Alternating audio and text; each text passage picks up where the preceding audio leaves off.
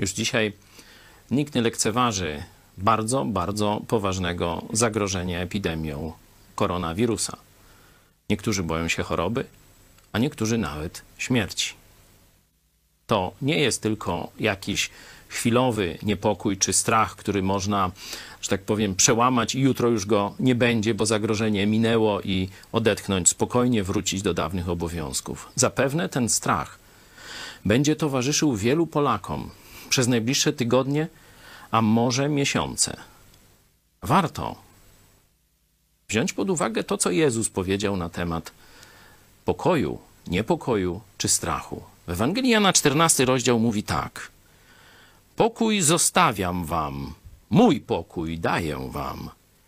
Nie jak świat daje, ja wam daję. I dalej. Niech się nie trwoży serce wasze i niech się nie lęka. Jezus mówi, że daje pokój.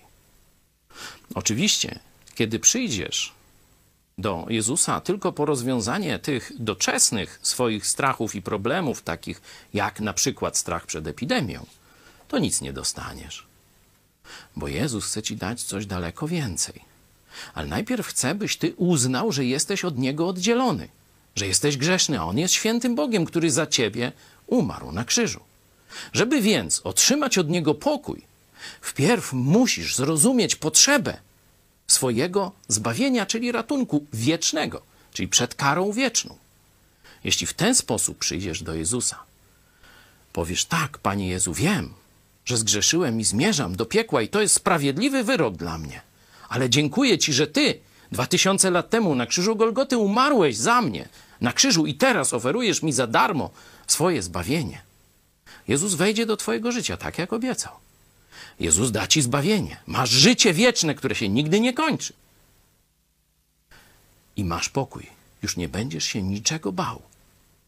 Tu na ziemi. Bo Jezus, Pan wszystkiego, jest z tobą na zawsze.